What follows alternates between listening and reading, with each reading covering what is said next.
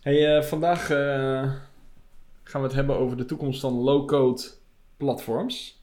We gaan helemaal loco. Ehm, even voorstellen. Ik ben Milan van Brugge, account director, mede-eigenaar van Pixpillow en de host van deze podcast. En mijn naam is Joël Cox en ik ben technisch verantwoordelijk bij Pixpillow en ook mede-eigenaar. Ik ben Geert-Jan de Jong, ben creative director en ook mede-eigenaar. Mooi. Nou, low-code eh, platforms. Wij weten er alles van en we gaan je er alles over vertellen. Let's go.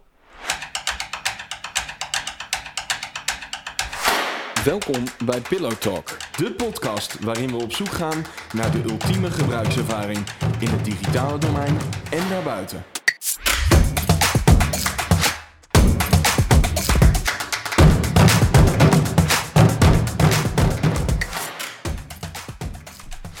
Elke week hebben het, eh, beginnen we met de UX fuck-up. Wij ontwerpen bij Pixpillow geweldige gebruikservaringen, maar dat gaat niet altijd goed. En die komen we dan ook eh, regelmatig tegen. Dus van de week kwamen wij weer iets tegen en dat is de UX fuck-up van deze week. En dat ging over PandaDoc. En dat is de, de tool die wij eh, gebruiken om offertes uit te brengen. En we hebben iemand aangenomen. Ehm, ik denk dat we dat in deze podcast wel gewoon kunnen zeggen, toch? Dat is wel leuk. Want het is namelijk eh, onze grootste podcast-fan. Ha, Thomas van der Wee. van, van- van het eerste uur. Ja. Ehm, Thomas komt eh, bij Pixpillow werken en dat is natuurlijk super gaaf. En, En dat is dus niet echt per se een, eh, een eh, oorzaak-gevolg, hè? Ik bedoel, Nee, het is Niet zo straks dat alle mensen die podcast, graag- eh, nee, het is, eh, het, het is wel, het is, eh, wel gerelateerd misschien, maar het is niet, geen eh, causaliteit natuurlijk. Want niet Nee. iedereen die een Pixel Pillow of Pillow Talk fan is, die kunnen we aannemen. Dat is waar. Maar als je heel goed bent, solliciteer dan maar. Dan, dan zien we het wel. Maar in ieder geval, wat, ehm, naast offertes brengen wij, die we uitbrengen met PandaDoc, eh, hebben we ook onze arbeidscontracten in PandaDoc staan. Even voor de duidelijkheid, PandaDoc is, eh, is een eh, geweldige tool, vind ik. Ik werk er veel mee, omdat Ja. ik eh, natuurlijk veel offertes maak.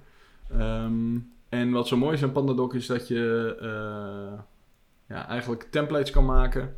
eh, en daarmee documenten kan, eh, kan opstellen in een bepaald format. Eh, en eh, er zitten allerlei slimme, eh, slimme eh, dingen in. Eh, je kan heel makkelijk content hergebruiken.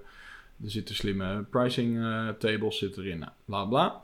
Eh, en ook arbeidscontracten maken we er dus mee. En ehm, nou, dan eh, krijg je weer eens even een frisse blik op, op PandaDoc. We waren het zelf weer bijna vergeten. Maar wat was het nou, Thomas, die kwam met de feedback dat er zit een knop in het document als je hem zeg maar gaat ondertekenen.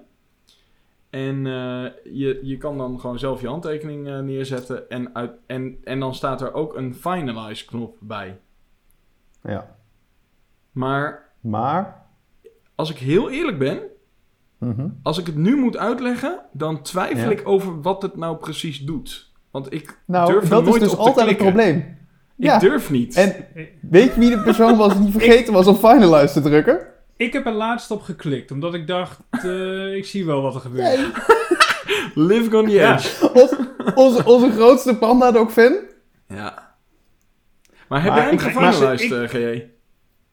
Ja, ik, ik krijg telkens die knop voor mijn neus en dan denk ik, finalize ik nou mijn actie? Ja. Of finalize ik nou het hele document? Ja. En ik dacht de laatste keer, want ik durfde er ook nooit op te klikken. Ik dacht de laatste keer, fuck it, ik ga er gewoon klikken, ik zie wel wat er gebeurt. En toen gebeurde er niks. Toen dacht ik, nou, dat zou wel goed zijn. Maar ik heb dus het document gefinalized. Waarschijnlijk, als je dat gisteren hebt gedaan, dan... Nee, eerder al. Oh. Nou, Ik heb vandaag heb ik, jou, heb ik jouw Magic Share link heb ik, heb ik uit Pandadoc gehaald. Die heb ik in een privébrowser geopend en heb ik op Finalize gedrukt. En ja, toen? want ik had het al veel eerder gedaan. Een week geleden of zo. Nou, oké. een paar dagen. Nou, de, con- de conclusie is dat we eigenlijk nog steeds niet helemaal doorgrond hebben wat het nou doet. Maar het gaat ongeveer goed. Maar het, het is heel, heel vreemd, want normaal, gespro of normaal gesproken... Ik weet, in de eerste Pandadoc dingen die wij hadden, moest je ook vaak een paragraaf zetten en dat soort dingen. Moet je meerdere dingen moet je iets gaan invullen.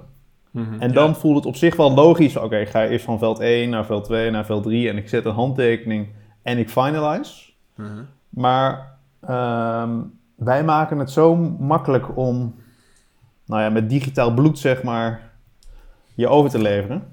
Echt. Dat je, Oh. Ja. dat je dan denkt, oké, ik heb mijn handtekening gezet, ik ben toch klaar. En dan heb je dus dat finalize. En precies wat jullie zeggen, ik heb nooit een idee wat finalize doet. Finalize dat mijn ding of finalize dat... Nee. Oké. Ja, ze zeggen document. Dus, dus het suggereert dat het meer doet dan alleen jouw, jouw actie. Maar dan is het heel raar dat je hem meteen te zien krijgt nadat je je handtekening hebt gezet. Je zou verwachten dat je hem pas te zien krijgt nadat iedereen zijn handtekening heeft gezet, toch? Dat denk ik dan telkens. Ja, nee, maar dat is het dus niet, hè? Want het is dus, alleen, je rondt alleen maar jouw ding af. Ja, dat is het dus. Dat hebben we dus nu eh, uitgevogeld. Je, met Finalize rond je alleen je eigen ding af. Volgens mij wel. Of weet je het nog steeds We niet? weten het nog steeds niet hoor. We weten het nog steeds niet. Mooi. Oké, ja. Oké. Maar oké, nog één ding en dan gaan we onze podcastluisteraars hier niet verder mee vermoeien. Ik hoop dat er trouwens nog podcastluisteraars over zijn, want eh, Thomas hoeft het nou niet meer te doen. Die heeft de buit binnen. Dus die eh, is gewoon afgehaakt. Oké. Eh, maar ben jij gisteren ingelogd ehm, met het gewone Pixpillow-account? Ben je dus weer, je was weer via die link gegaan? In een anonieme browser, zei jij? Nee, ik ben ingelogd met het algemene Pixpillow-account. Toen ben ik naar het document gegaan. Toen zag ik dat... eh, nee, Thomas die stuurde mij een screenshot dat jij hem nog niet gefinalized bent. Dan ben ik naar share gegaan in dat document. Heb ik jouw eh, link gekoopt, jouw, jouw magic link zeg maar. En daar heb ik op finalize gedrukt. Oh, oké. dus Milan had niet op Finalize durven drukken. En dan kan je zien dat er één iemand nog niet heeft gefinalized. Ja, Ja, dan is het dus een, een persoonlijke finalize. Ja. ja, maar ik gebruik die tool ook. Ik gebruik die tool gewoon niet zo vaak. Dus dat is ook Nee, dat zich mij dan waar. niet echt te verwijten natuurlijk. En wij, Oké. wij laten alleen mensen finalizen. Oké, Dus maar zelf, het was dus een, eigenlijk een beetje mijn fuck-up. maar eh, eh, Nee. laat- laten we zo zeggen, Pandadoc zou het wel iets duidelijker kunnen maken dat je het voor jezelf of het document finaliseert. Want eh, dat is niet heel duidelijk. Ja. Oké. Nou, zoals je zei, PandaDoc is een fantastisch coole tool. Behalve Ja. de finalize en de tab. Ja. Als ze dat fixen, Ik, eh, ik ga ze een berichtje sturen, want eh, ik ben er nou ook helemaal klaar mee. En voor de duidelijkheid, tappen is dat je in een pricing tabel naar de volgende regel wil en dat je dan helemaal onder naar het document eh, springt. Echt jongen. Hm. Fuckers. Ja, dat Oké. Hey, altijd lastig. heb jij nou ook een, eh, jij daar thuis, heb je nou ook een geweldige of juist eh, vreselijke gebruikservaring die je met ons wilt delen? Dan mag je die sturen naar pillowtalk.pixelpillow.nl en vergeet ons niet voor op Instagram, at pillowtalk, de podcast. Alright, we gaan, we gaan het hebben over de toekomst van low-code platforms. Eh, allereerst, grote vriend Joël Cox. Als jij nou eens even uitlegt wat low-code precies is. betekent. Ja. Nou, low-code is natuurlijk weer een mooie marketingterm die de afgelopen jaren weer naar boven komt voor ehm, stukjes software, maar waar je eh, complete bedrijfsprocessen nou, met een soort blokkendoos in elkaar kan zetten. Eh, dus systemen die eh, in, in de meest simpele vorm heb je bijvoorbeeld al een, een if this then that, zeg maar. Net als de service of een soort Zapier, waar je nou ja, een bepaalde input met een bepaalde output kan koppelen. En eh, nou ja, Zapier en if this then that zijn natuurlijk redelijk, nou ja, redelijk beperkte dingen, maar echt low-code application platforms zijn dus eigenlijk eh, nou ja, platforms waar je complete bedrijfsprocessen op kan automatiseren, waar een bepaalde eh, workflow van nou ja, het samenstellen van een, eh, van een formulier wat tussen verschillende partijen moet, wordt, moet worden ingevuld, wat door, eh, nou ja, door verschillende mensen wordt aangevuld, wat gecontroleerd wordt.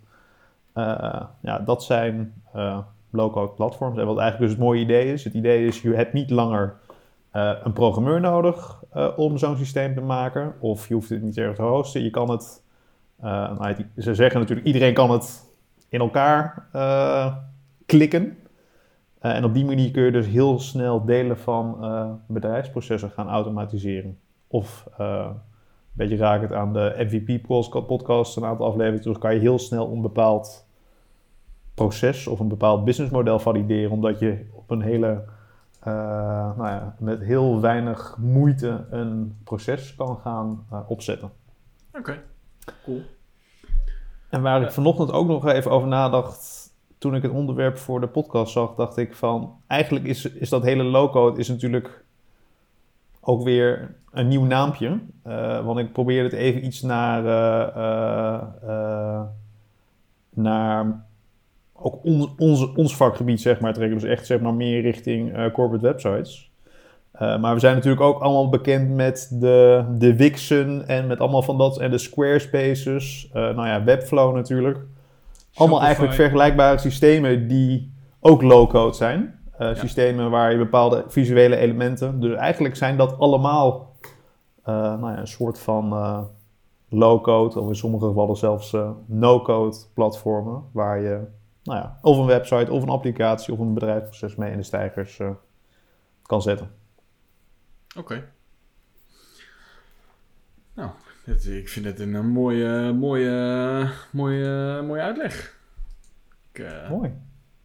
ik En, eh, ben ehm, blij mee. He- heeft dat ook een... een je, je hebt dan dus een, een variant die wel of niet visueel is. Je kan een proces automatiseren. Daar ho- hoef je dan in theorie nog niet zo heel veel van te zien.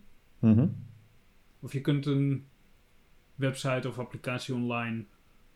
Ja, kijk, eigenlijk is het natuurlijk, het, het, het low-code zegt eigenlijk iets over dat je geen code schrijft. En hoe, het dan, hoe je het dan wel doet, dat, is, dat, dat beschrijft het in principe natuurlijk niet. Maar je kan het voorstellen dat je eh, al bijvoorbeeld een, eh, nou stel dat je iets hebt als een, eh, ik noem maar wat, een, een hypotheekaanvraag. Daar kan je voorstellen, oké, je maakt een soort, een soort object maak je, maak je aan. En dan zeg je, ik wil graag deze en deze velden wil ik daarbij hebben. Ik wil graag dat eh, op het moment dat zo'n ding aangemaakt wordt, dat het alleen gedaan mag worden door gebruikers van die rol. Nou, ja, dan Ja. is er een manier dat je kan zeggen, deze en deze velden kunnen bewerkt worden door die persoon. En als en als en als die velden ingevuld zijn en je drukt op deze knop, dan gaat die naar de kredietbeoordelaar. Ja. Die heeft dan twee, en dan zeg je, nou, en vanaf hier heeft hij weer, eigenlijk, eigenlijk ben je een soort, eh, een, eh, ja, een soort aan het eh, business process modellen, maar flowcharts zijn, spreken misschien bij meer mensen tot de verbeelding, een flowchart hoe informatie door een systeem zijpelt. Is dan, Ja. eh, de- zo, ik, is dan het, dat, dat hele Lego Mindstorm, eh, dat is dan eigenlijk ook een soort low-code, toch? Exactly. Maar dan, ja. eh, en eh, Hey, boost hè, tegenwoordig. Oh, sorry, sorry, sorry. Maar dat, dat is ook, eh, dat is dan natuurlijk... eh, ja, en je hebt ook eh, Scratch van MIT. Scratch, ja. Ja, daar is- is het volgens mij allemaal een beetje op gebaseerd als ik zie hoe het eruit ziet en zo. Zij zijn daar ik- ooit mee begonnen, toch, denk ik? Ja, nou ja, daarvoor had je zelfs nog weer de, de nou ja, de, ehm, eh, ja, hoe heet dat, MSW-logo-achtige dingen, wat je vroeger op de middelbare school veel mensen zeg maar ooit mee begonnen, waar je dan een soort schildpad had die dan dingetjes aan het tekenen is. Eh, nou ja, zo, Ja. het, het, het, het heeft allemaal natuurlijk een bepaalde oorsprong, maar het is wel... eh, Ik heb denk ik bij die Ah. les niet opgelet. En nu geen flauwe grappen. Insert funny joke hier. ja, goed, goed. open doel, schiet er niet in. Maar, en, en nu weet ik niet, eh, ben ik nou weer dwars door alle stellingen? Ja, eh, tuurlijk ben je dat. Maakt niet uit, ga maar door. Maar, maar als je dus een beetje if this then that, then that kan denken, zeg maar wat kinderen tegenwoordig al veel eh, meekrijgen, zelfs al op de basisschool en zo, krijgen ze al een beetje die, inderdaad die scratch-achtige programmeerdingen en, en via Lego. En ik zag laatst op Kickstarter zelfs een, een offline spel, dat was een soort bord en dan gooi je een balletje in en dan kan je allemaal dingen aanzetten en dan komt een balletje in een bepaald eh, vakje en zo. Als je dat een beetje snapt, dan kan je straks zo... eh, nou, even eh, applicaties in elkaar klikken. Oké. Kijk, Nou dit is ja, stelling dat- 2, dat- dit is dit stelling is Oh, ja, stelling daar twee. was ik al bang voor, ja. Ja, bedankt Gert-Jan. Maar nou, we Sorry. beginnen wel vandaag met stelling 2, Gert-Jan. Dat maakt allemaal niks uit. Maakt de niks stelling- uit, toch? En, eh, en dan mag je wel gewoon antwoord geven. Want de stelling is namelijk... Door low-code zijn ontwerpers de nieuwe developers van de toekomst. Nou, is, is het dus zo dat je eh, ontwerpers, of in ieder geval niet developers, Ja, bij- dan dus heel makkelijk iedereen, een, een applicatie in elkaar kunnen klikken met, eh, met low-code? Platforms? Dingen? Ik weet niet waarom Johan nou opeens heel stil is. Oh, ik, ik was, was wel mijn Ja, ja, ja. Nou ik, ik Ja, jij moet praten deze aflevering. Dat is jouw ding. Kijk, ja, ik, ik, ik heb daar, eh, wanneer was dat? Dit weekend nog een stukje over, over geschreven. En dat raakt ook een beetje wat wij intern wel zeggen. Kijk, iedereen bij Pixelpillow is in een bepaalde mate een ontwerper. Kijk, we zijn niet allemaal grafisch Ja. ontwerper, maar we moeten allemaal snappen hoe we een bepaalde vraag van een klant of van een gebruiker omzetten in een oplossing. En dat is volgens mij een ontwerper. Kijk, je hebt dan grafische ontwerpers, je hebt interactieontwerpers, je hebt programmeurs. Ehm, maar iedereen zou een ontwerper moeten zijn en zou een probleemgebied van een bepaalde klant in een bepaalde mate moeten snappen en zien hoe dat samenhangt binnen de context. En als je dat kan, eh, dan kan je eh, zo'n low-code applicatie in elkaar zetten. Dus ik denk als we de term designer inderdaad in de breedste zin van het woord, iemand die een oplossing voor een Ja. probleem kan bedenken. En nog belangrijker misschien wel, die eh, ook het domein van een bepaalde organisatie zich kan toe-eigenen. Eh, dus stel als je het weer hebt over die hypotheekaanvraag. Eh, als jij geen, geen idee hebt wat een, een nationale hypotheekgarantie is, of wat dat voor invloed heeft met, nou, met bepaalde kosten, of hoe dat je rente naar beneden haalt, of dat soort dingen, dan zal jij nooit een low-code platform voor een hypotheekverstrekker kunnen gaan inrichten. En dat is natuurlijk volgens mij de hele kracht achter het low-code, dat je... Kijk, wat we nu heel vaak doen, is we proberen de kennis van de domeinexpert, of iemand die eh, een soort business analyst is, of iemand die echt op de processen zit bij een organisatie, die kennis, die proberen we zo uit die hersenen te halen. Het is fijn dat we nu video hebben. Probeer je Ja, uit die hersenen te halen. En die probeer je zo bij die programmeur en bij die ontwerper zeg maar naar binnen te werken, zodat zij er vervolgens iets mee kunnen doen. Maar met zo'n low-code platform kun je dus eh, nou ja, degene die echt het proces snapt of denkt te snappen, of die in ieder geval vanuit de business snapt hoe het proces in elkaar zit, die kan zelf, zonder dat je de vertaalslag moet maken naar andere personen die misschien minder intiem zijn met dat eh, eh, domein, die kan dat zelf in elkaar gaan eh, zetten.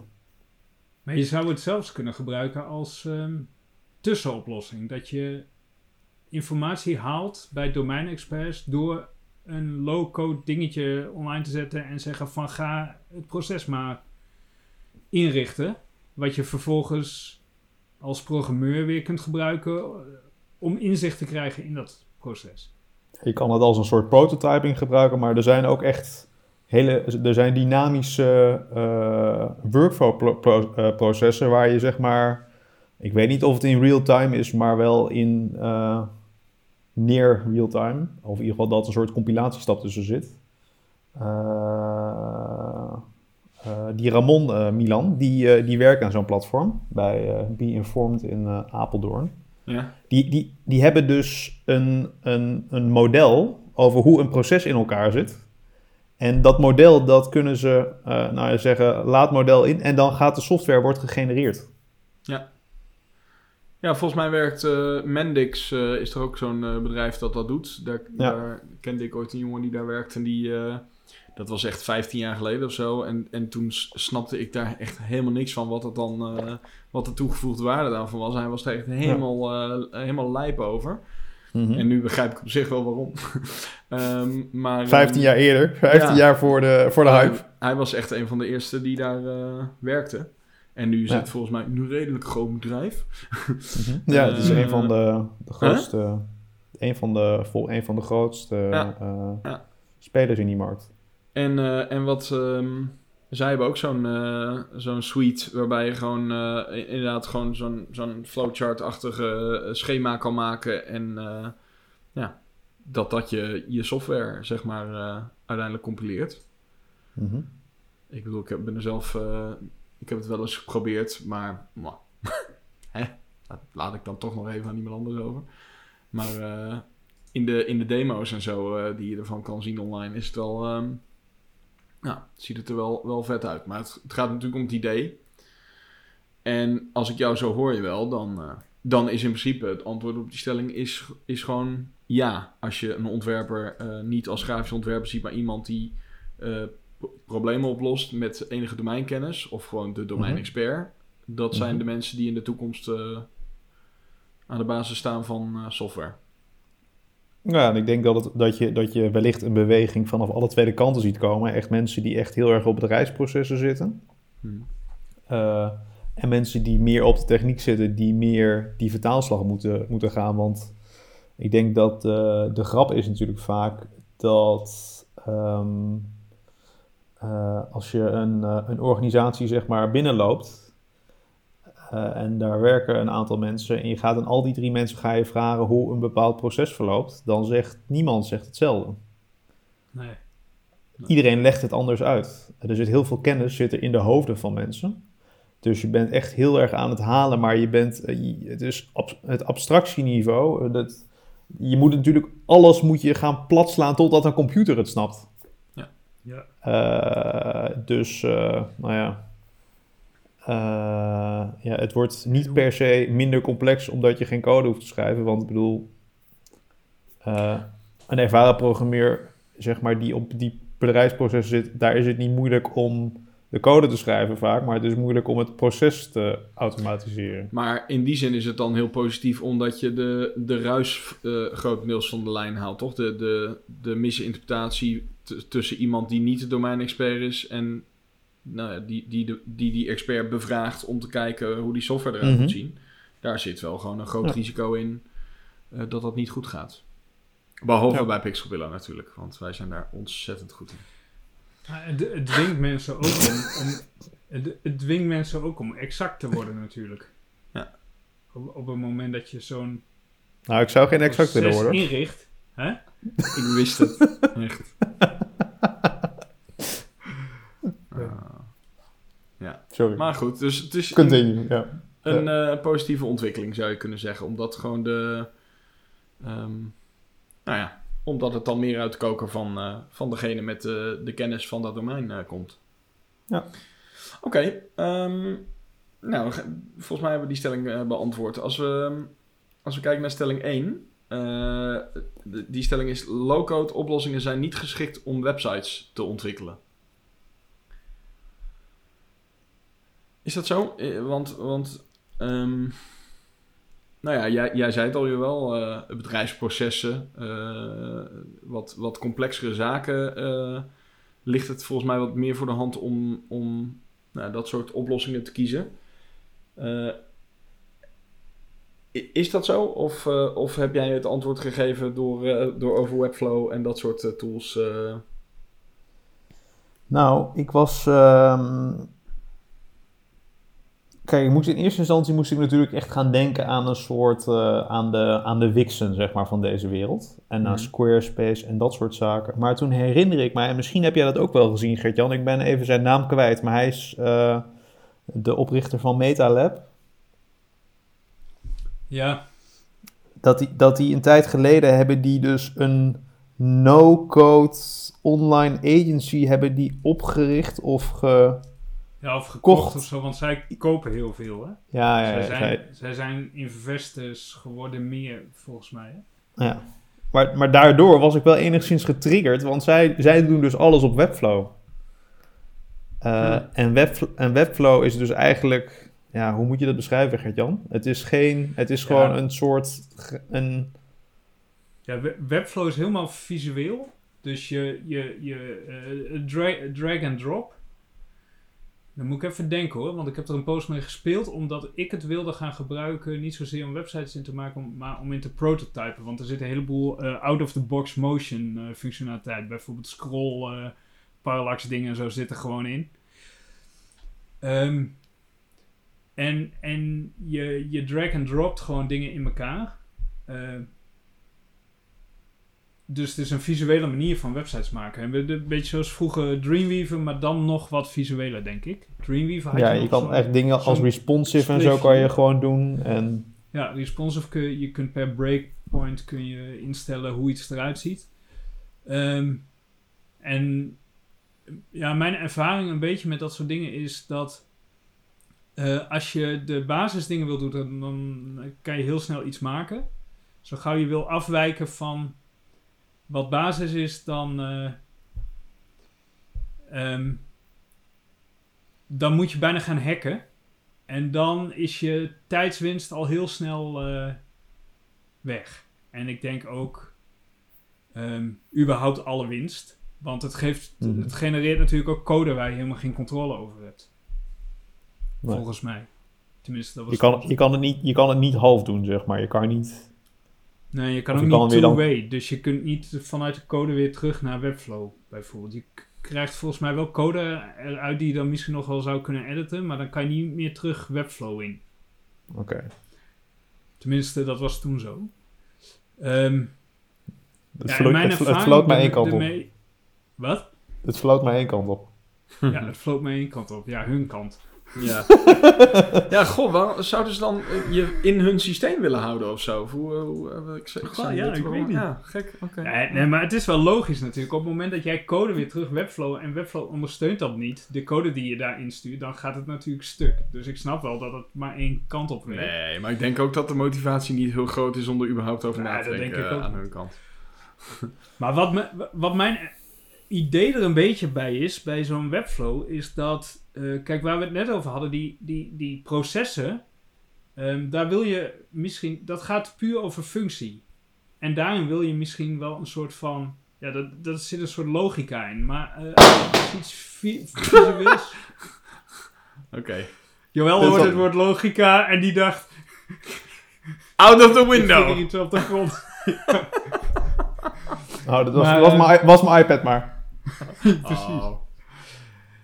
Maar ehm, de, de- als, je, als je een ontwerp maakt, visueel, dan wil je juist eigen zijn en uniek en onderscheidend. En dat matcht niet zo goed, heb ik altijd het gevoel, met, met een tool die je toch in een bepaalde, ja, de- waar beperkingen in zitten en die je in een bepaalde jas vast eh, zit, denk ik. Maar ehm, misschien, eh, misschien blijkt dat dat eh, meevalt.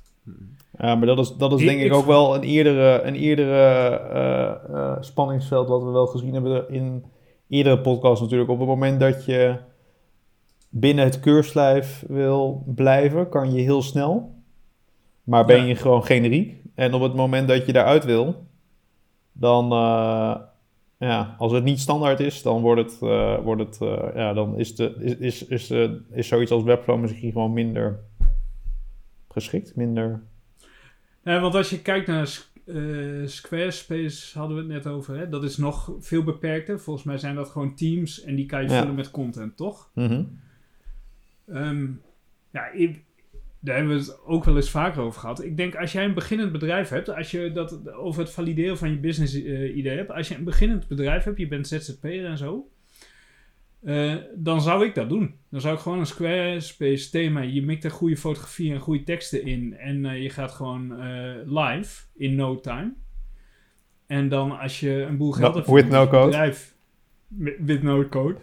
En als je een boel geld hebt verdiend met je bedrijf, dan kan je altijd nog, als je het dan beter of anders wil, een ontwerpbureau inschakelen, denk ik. Dus ik denk dat het voor dat soort dingen heel geschikt is. Ehm, maar ik denk wel dat je heel snel tegen beperkingen van zo'n systeem aanloopt. Zo ga je maar iets anders wil, dan eh, houdt het op, denk ik. Ja. En zo leert iedereen natuurlijk, natuurlijk programmeren. Hè? Want iedereen, de- ik denk dat legio mensen zijn begonnen met een WordPress thema. En toen deed dat niet helemaal wat ze wilden. En dan ga je het En dan, hacken. ga je, en dan ga je eens kijken hoe dat er in de code uitziet. En dan ga je een beetje CSS leren eerst. En dan ga je ze een beetje PHP leren. En dan, eh, ja, opeens ben je developer. Of ging dat niet zo, Joël? Eh, ik was pre-WordPress, hè. Nee, maar... eh, Nee, maar meer- ja, maar, dat, maar is wel- wel waar. Kijk, eigenlijk is het natuurlijk een hele mooie gateway, eh, gateway drug. Ja. Dus het zou ook kunnen dat door low-code ontwikkelingen er steeds meer developers komen. Echt. Ja, maar ik, dat, dat, dat zou kunnen. Maar ik denk ook dat je misschien wel een, een hele mooie... ehm, wel een hele bijzondere tweedeling krijgt in, in het soort ontwikkelaar. Want je hebt natuurlijk ontwikkelaars nodig om de, om de, om de low-code platform zeg maar te maken. Ja, Lekker meta. Eh, kijk, en dat is natuurlijk echt best wel. eh, nou, ik heb het inmiddels een keer horen omschrijven als eh mind-blowing om in eerste instantie je hoofd, om dat zeg maar in je hoofd te krijgen. Want je bent natuurlijk code aan het schrijven die code schrijft eigenlijk. Dat is een beetje de, eh, hoe je het moet zien. Dat is niet helemaal waar, maar dat is ongeveer het, eh, het idee. Eh, en anderzijds heb je nu natuurlijk de, de ontwikkelaar die het juist meer interessant vindt om, nou ja, bezig te zijn met het proces, met zeg maar wat de software echt doet. Dus ik Ja. denk dat je, je zal, in het midden zal je gewoon steeds minder gaan krijgen, denk ik. Je wordt of een hele eh diehard eh eh, low-code, ja, hoe zeg je dat? Iemand die een low-code platform ontwikkelt. Of je wordt zeg maar meer een, nou ja, een, een iets meer met re- requirements analyse, dat soort business analyst. Een, een UX-engineer. Nee, dat is weer wat Die anders. nou ja, die term. Of UI-engineer, maar dat, eh, dat vind ik dan wel een term die daar dan weer op aansluit. Maar goed, dat is eh, misschien weer, weer wat heel anders. Ehm, maar even terug naar de stelling. Op low-code oplossingen niet geschikt om websites mee te ontwikkelen. Dat is Nee, dus in principe niet nog- waar. Nou, ik ben nog wel benieuwd naar, misschien weet je Joël dat dan. Hoe zit het dan met bijvoorbeeld ehm, performance en optimalisatie en zo? Hoe is de code die, of doet dat er helemaal geen, geen how-to? Ik bedoel, je, je, ik bedoel eh, zoals Webflow heeft ook een e-commerce platform nu Mhm. volgens mij. En dan denk ik, ehm, eh, ja, dat, eh, dat wil je natuurlijk ook dat dat snel is en zo. Dat is voor je SEO geloof ik ook gunstig. En ja, is dat dan zo bij, bij de, dat soort tools? Heb je daar controle over? Valt dat te optimaliseren? Ja, het, het- is een beetje. Er is niet echt een, een, een, eh, een heel eh, eenduidig antwoord om te geven. Anders dan dat je je natuurlijk kan voorstellen dat. ehm, als een heel team ermee bezig is om het zeg maar performant te maken in plaats van één of twee mensen. Die er, die er anders op zitten, ja, dan, dan is het gewoon al snel dat je, eh, nou ja, dat je gewoon best wel de, de, de tijd erin steekt om het snel te krijgen. Kijk, het is natuurlijk, eh, het zal nooit zo, zo ehm, netjes of zo, ehm, ehm, zo geoptimaliseerd zijn in de zin dat je ehm, eh, inconsistenties eruit gaan halen die niet nodig zijn, waardoor je minder code hoeft te, nou over het draadje hoeft te sturen of hoeft uit te voeren. Maar kijk, de, de afgelopen jaren is heel erg veranderd wat de, wat de bottleneck is in zo'n applicatie. Kijk, terwijl je, eh, terwijl je eh, eh, ik noem maar even wat, vijf, zes jaar geleden nog op je mobiele telefoon best wel lage bandbreedte had in, gewoon in de west- westerse wereld. Maar tegenwoordig doe je gewoon makkelijk eh 20, 20 mbit of veel meer. En als ze de 5G-masten laten staan, ja, maar, of Maar- 1000 maar- mbit. nee, maar ik, ik, ik vraag het ook omdat ik herinner me natuurlijk die Dreamweaver en Frontpage periode. En daar, daar werd natuurlijk heel veel op gescholden dat dat gewoon hele messy code genereerde. Omdat het, het is toch een soort one size fits all oplossing denk. Ja, alleen En- toen... en- ja, sorry. Ja, ga je gang. En, en ook voor accessibility en webstandaarden. En, eh, en als een browser dan eh, eh, verandert dat opeens je website het niet meer doet, omdat het niet volgens we- webstandaarden. de- de- hebben we die problemen dan nu opeens niet meer met dit soort tooling? Dat, dat vind ik dan wel interessant. Nou, je, je, je hebt... eh, kijk, bijvoorbeeld in Dreamweaver is het natuurlijk, was het destijds natuurlijk ook echt een probleem. Want in Dreamweaver kon je natuurlijk best wel beperkt... Kon je, je kon dingen vet maken, je kon een keer een diffje doen. Maar uiteindelijk moest je zelf ook weer iets in die code gaan doen.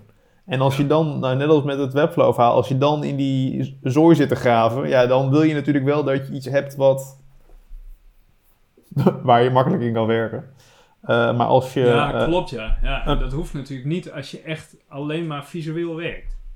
Nee, en als, je, en als je bijvoorbeeld kijkt hoe snel browsers tegenwoordig ge- ge- eh, geworden zijn In de zin van, kijk, de interactie is ook complexer geworden, laten we dat vooropstellen. Maar browsers zijn zo geoptimaliseerd voor, als je kijkt hoeveel sneller ze zijn geworden. We hebben eigenlijk tegenwoordig eh, heel veel desktop-applicaties die eigenlijk gewoon een browser-applicatie zijn. Denk aan Slack. Eh, nou ja, dat Ja. is gewoon een, een browser-applicatie. En niemand die je daar, nou ja, behalve dat het ongelooflijk veel RAM eet, eh, die hoor, hoor je daarover dat het te traag is. Eh, dus, dus, dus die bottlenecks die zijn wel weg. Maar het, het verhaal over ehm, webstandaarden open zijn. Daar was, eh, ik denk een aantal maanden geleden, was daar een ongelofelijke Twitter, Twitter rant van DHH van Basecamp was daarover. Eh, Die helemaal zat te haten over dat je niet meer gewoon... Dat het, het internet is een open platform. Je kan rechtermuisknop doen eh, en kan je op eh, inspect... Of ja, ja, inspecteer element wil ik zeggen, maar bekijk, bekijk broncode heet het vroeger. Kan je kijken en dan zie je hoe de pagina is opgebouwd. Maar tegenwoordig gaat alles drie keer door de minifier heen en wordt alles eh, in JavaScript gerenderd en staan alle URL's, daar zitten allemaal rare karakters in omdat die gecached is op een CDN en dan is het allemaal uniek. Dus hij zat op een gegeven moment was hij aan de ranten van ja, maar nu kan ik niet meer zien hoe het werkt en het is niet meer open en het is allemaal zo.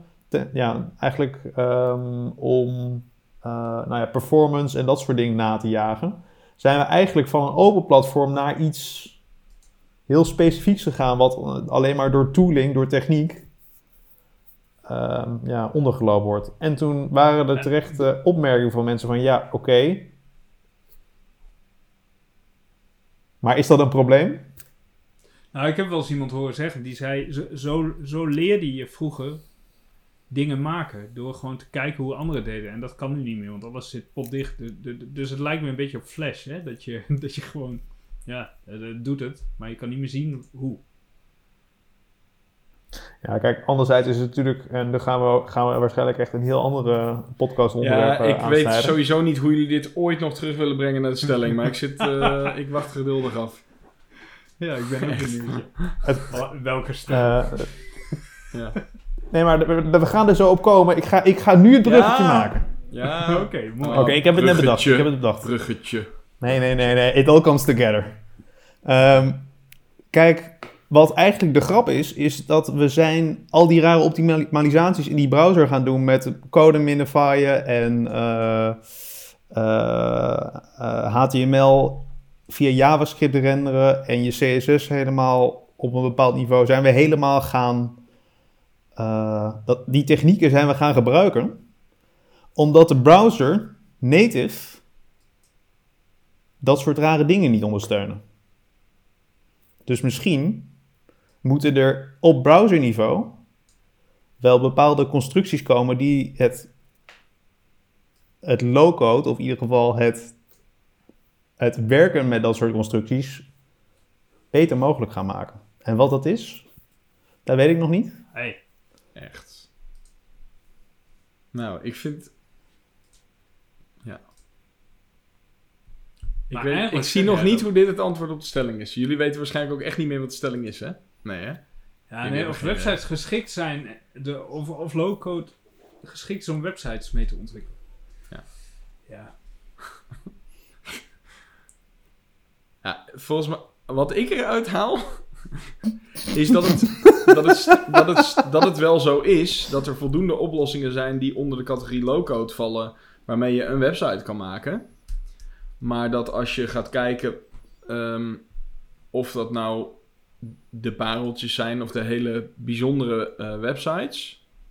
dat is dan de vraag. En de vraag die daar dan nog weer voorkomt is... is dat nodig? Moet dat? Nou, dat zal voor de ene oplossing eh, wel zo zijn en voor de andere niet. Dus dan komen we weer op, eh, op wat nu- genuanceerde verhaal uit waar we altijd op uitkomen. Het is maatwerk. Het is maatwerk. Het hangt af van wat je Nee, wil. het is dus geen maatwerk. Ja, Low-code. de beslissing. beslissing. Oh, oké. Ja. Maar ik zou Maar het nog wel dat- leuk is dat vinden... zo? Wat is zo? Nou, is dat eh, het antwoord op de stelling? Ja, ik denk het wel. En ik, ik, ik, ik ga voor mezelf opschrijven dat ik eens een keertje ga kijken. Ik ben even de naam eh, eh, kwijt. Van dat, dat agency wat dus echt alleen maar low-code eh, ja, websites zeg maar produceert. Om te kijken, of produceert, maakt. Ja. Was het FinSuite? Hmm, eh, ik weet het niet meer precies. Ik durf het zo niet te zeggen. Ik ben volgens mij vanuit... eh, maar gewoon om te kijken wat, wat zij nou voor websites gegenereerd hebben. Want we Ja. hebben natuurlijk weer echt eh, Nike en allemaal Inuit en dat soort partners hebben ze daar dan allemaal staan. Maar dan hebben ze waarschijnlijk ergens de, de drie jaar jubileum van.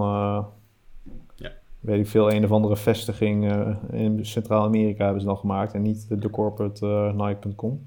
Nee. Eh, Oké, dus die, die houden we nog even goed. Klopt. Jongens, we gaan naar stelling 3, want eh potverdorie, wat duurt het lang. Ehm, over vijf jaar worden websites en apps alleen nog maar met low-code platforms ontwikkeld.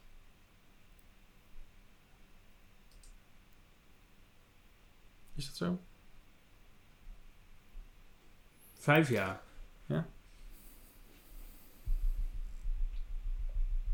Hoeveel, hoeveel, hoeveel van die vijf jaar zouden we zeg maar vanuit huis gewerkt moeten hebben? Echt, jongen. tijd. Hebben we het helemaal zonder, zonder Dat er corona vanaf, gedaan? Deze. dat hangt er vanaf of we een COVID-20 eh, of nou, 21 zou het dan waarschijnlijk zijn. Of er weer een nieuwe versie uitbreekt. Oké, maar naar de stelling wel. Focus. Vijf jaar. Geen, geen eh, ehm, in ieder geval bijna geen handmatige code meer eh, klop- kloppen. Maar alleen nog maar eh, klikken, drag en droppen. En eh simsalabim. Vet ingewikkelde applicatie. Vijf jaar? Gaat dat worden? Ja, ja, nou ja, eh, worden alleen nog met low-code platforms. Ja, dus je, je gebruikt alleen nog een low-code platform om iets te maken. Ik denk dat we dat gewoon. Ik denk punt 1 dat we ons moeten realiseren dat als je het maakt op een low-code platform, dan uh, er zal nog steeds code geschreven moeten worden, denk ik, ergens. Of een ontwerp moet geïmplementeerd worden. Mhm. Want anders zou het no-code zijn. Um, nou, ik durf het eigenlijk niet te zeggen. Oh, that's first. Ja, ik, uh, ik, ik al helemaal niet, maar ik... ik nou ja, ik, ergens, heel eerlijk, wat mij betreft, uh, het hoeft niet over vijf jaar zo te zijn, maar nou, mag, de ontwikkeling mag wel snel gaan. Want volgens mij is het gewoon... Um, ik, ik heb inderdaad wel het gevoel dat, een van jullie zei dat net, van je krijgt gewoon, het, het kristalliseert zich gewoon uit tot de mensen die echt aan de voorkant bezig zijn en die echt aan de achterkant bezig zijn. En alles, al het gerommel met alle respect ertussenin, dat wordt gewoon minder. En volgens mij, ja, worden zeg maar de mensen die aan de voorkant dingen doen en mensen die helemaal aan de achterkant dingen doen, worden die daar alleen maar blijer van. Dus... En die mensen die alleen aan de achterkant dingen doen, wat, wat, wat doen die dan? Daar ben ik dan benieuwd naar. Die doen dan vooral API's of koppelingen? Of hoe moet je dat dan zien? Nou, ik denk, er, zullen, er zal. Um, um, hoe zeg je dat? Kijk, je hebt, je hebt mensen die. Uh, uh, ja, daar heb je natuurlijk niet echt superveel bedrijven voor nodig. Maar de mensen die bij de, de Mendixen, zeg maar, werken. Die gewoon de no-code platforms maken. Ja. Je, je, hebt mensen die bijvoorbeeld als het hypotheek... Uh, kijk, dat zijn volgens mij die mensen die gaan voorlopig nog wat werk hebben. Dan heb je volgens mij mensen die op die low-code platformen... zeg maar bepaalde extensies gaan schrijven. Nou, als we dan de kredietbeoordelaar hebben... Uh, die bijvoorbeeld een, uh, een, een, een, koppeling gaat schrijven met... Uh, met, weet ik veel, BKR in Tiel of zo, iets in die richting, met uh, bureau kredietregistratie. Zodat je binnen dat low-code platform iemand die dat inricht, dat die kan communiceren met, uh, met het BKR. Die mensen er zijn, maar volgens mij, kijk, er zijn natuurlijk echt ongelooflijk veel uh, back-end programmeurs die gewoon, um, zonder heel disrespectvol, formulieren aan databasevelden koppelen. Mhm. Mm -hmm. Kijk, en dat, ja, dat, is, dat, dat gaat gewoon volgens mij verdwijnen. En volgens mij ligt, uh, ligt niemand daar wakker van. Uh, Kijk, ik zie, ik zie het persoonlijk sowieso niet als een bedrijf, bedrijf, want ik haal vooral mijn, hoe zeg je dat, mijn werkplezier uit, zeg maar, het bedenken van hoe je, eh, nou ja, in een bepaald, hoe je iets oplost. Ja. En niet zozeer in, eh, nou ja, wat ik net zei, die velden aan elkaar koppelen. Kijk, dat hoort erbij. Maar dat is niet hetgene waar je, eh, nou ja, de meeste waarde toevoegt. Nee, dus wat, wat jou betreft kan het ook niet snel genoeg gaan. Nou, ik denk dat wat wij natuurlijk nu zeggen, dat wij, wij, vinden, het, wij vinden het als Pixelpillow vinden het gewoon heel leuk om zeg maar voor in, in het hele UI, in het interface dicht bij de gebruiker te zitten. En volgens mij blijft daar gewoon, dat blijft gewoon interessant, dat blijft ook gewoon relevant. Want we willen niet allemaal in hetzelfde eh, ja, nare no-code interface als, eh, nou ja, als, eh, als iedereen zeg maar zitten te graven. Elk, elk Inter- merk wil daar zijn eigen Ja, de- dus wat blijft is zeg maar de uitdaging om het mooi en gebruiksvriendelijk te, te maken. Dat, het ver- dat verandert niet. Of je nou. eh, en. Maar, wat, maar Joël, wat zou je dan jouw advies zijn voor eh, de in-between? eh, Ja, welke studie moet je weer gaan oppakken? Ja. ja, wat, wat, wat, wat, wat zouden die nu moeten gaan doen? Als je, als je ziet dat dit eraan komt. Ja, je moet. eh, ik, eh, eh, eh, kijk, als je, als je een soort, eh, een soort nou ja, zo'n zo'n tweener zeg maar, bent en je bent niet van de keiharde informatica, echt computer science, maar meer van de software engineering en je zit meer op, nou ja, wat ik net zei, dat aan elkaar knopen. Eh, ja, dan moet je volgens mij voor jezelf heel goed gaan, gaan afvragen, wat wil ik? En als je eh, in de, nou ja, meer de, de gebruikerskant op gaat, ja, dan eh, zou ik gewoon lekker eh, informatiekunde gaan studeren. Maar ja, die opleidingen zijn allemaal gesloten. Eh, maar dat, maar dat, is, dat is precies zeg maar, waar je de schakel bent tussen, die tussen, tussen, de, tussen het bedrijf en de techniek. En er zijn je business en IT, dat soort dingen. Alleen die hebben vaak meer de, de focus op echt meer op business dan de combinatie ervan. Maar dat, volgens mij ga je daar ehm, eh, eh, met zo'n achtergrond waar je die beide kanten begrijpt, dat daar ga je nog genoeg werk in vinden de komende 100 jaar, 50 jaar. Bouwde uitspraken. Oké, nou. ehm, nou, we kunnen dus eigenlijk. dit is, was een leuke stelling, maar dat is eh, natuurlijk eh glazen bol eh, idee. Maar Ja, maar het komt eraan. Dat kunnen we wel zeggen. nou, nou, dat is Ja, ook wel weer zo. een hele bouwde uitspraak. Nou, nou. Ik hou hem wat Jullie veilig. durven je wel, eh, dat is wel commitment. Of, of willen jullie er nog iets over, eh, over kwijt?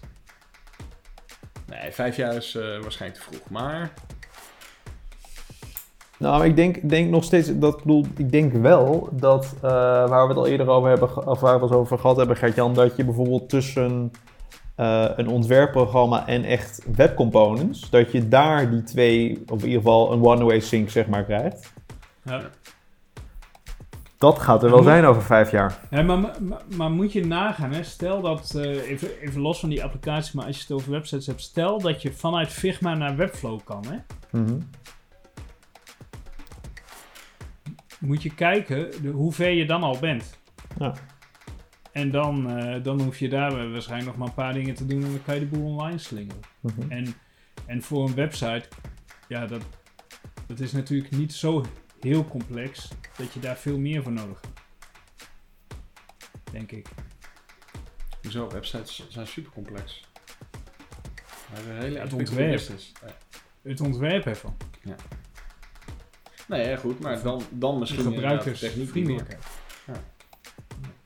Mooi, kan ik met vakantie. Ja, ook wel eens leuk. Oké, nou, we gaan hem afronden. Toch? Prima. De- we, we hadden alles. eh, ja. Ja, zeker. Ehm, nou, ik, eh, ik ben wel benieuwd of, eh, of er mensen al ervaring hebben met, eh, met Webflow die naar onze podcast luisteren of andere low-code platformen.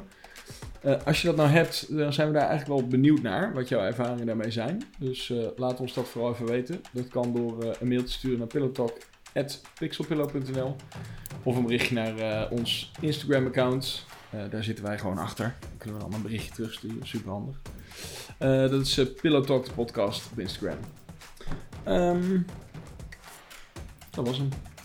Nou, ik vond, eh, ik vond het interessant. Ik ben benieuwd Ja. hoe, hoe, hoe ver we over vijf jaar zijn. We gaan het meemaken. Exciting times. Doei. Dag, dag.